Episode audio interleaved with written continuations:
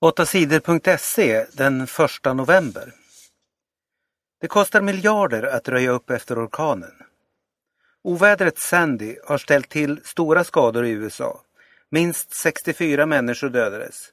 Det kommer att kosta många miljarder att laga allt som förstördes av Sandy. I New York försöker folk röja upp efter orkanen. Flera av stadens stora flygplatser öppnade igen på onsdagen. Det gjorde också New Yorks aktiebörs. Bussarna har börjat köra. Men det kan ta en vecka innan tågen i tunnelbanan kan köra igen. Sandy är ett av de värsta oväder som drabbat USA. Värst var det för människorna i New Jersey och New York. Storstäderna Washington, Philadelphia och Boston klarade sig bättre. Flera miljoner människor i USA saknar fortfarande elström efter stormen. I länderna Haiti och Kuba dödades också många av orkanen Sandy. Det fattiga landet Haiti kommer att behöva mycket hjälp för att röja upp efter ovädret. I Haiti är många hemlösa. Oron för att smittsamma sjukdomar ska spridas är stor. Barn ska få cykla på trottoaren. Regeringen vill ha nya regler för cyklister i Sverige. Det måste bli lättare för cyklister att ta sig fram i städerna, tycker regeringens utredare Kent Johansson. Han vill bland annat att barn under åtta år ska få rätt att cykla på trottoarerna. Han vill också att cyklister ska få cykla mot trafiken på fler gator. Bilar ska också bli tvungna att stanna för cyklar som kommer på en korsande cykelväg. Men cyklister som hade hoppats på att få köra mot rött ljus blir besvikna. Så vill Kent Johansson inte ha det.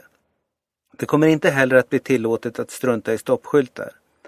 Alla ska följa trafikljus och skyltar. Det är viktigt, säger Kent Johansson till nyhetsbyrån TT. Motormännens riksförbund gillar inte alls förslaget till nya regler. Vi ska inte ha olika trafikregler för bilar och cyklister. Det kan göra att olyckorna ökar, säger Maria Spets på Motormännen. Hon säger att många trafikolyckor beror på att cyklister struntar i trafikreglerna.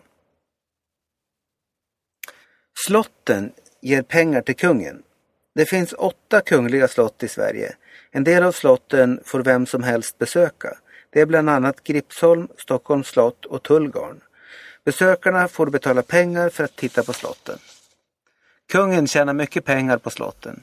De senaste åren har kungen fått in 300 miljoner kronor på slotten. Det skriver Dagens Nyheter. Samtidigt är det staten som betalar för att slotten ska vara i ordning. De senaste sju åren har staten betalat en miljard kronor för att laga och värma upp slotten.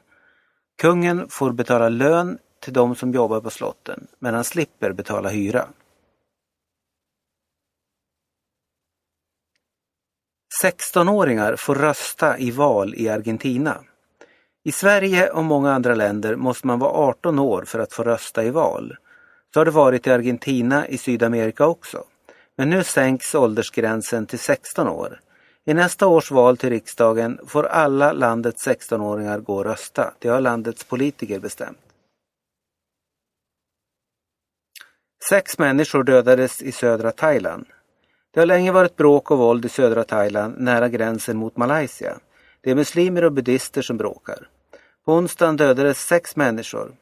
Två dödades i en strid med poliser. Sedan sköt någon ihjäl en man och hans 11-åriga son. Senare på dagen dödades två buddister på en stor fest. Några män sköt rakt in bland människorna på festen. 5300 människor har dödats i södra Thailand de senaste åtta åren.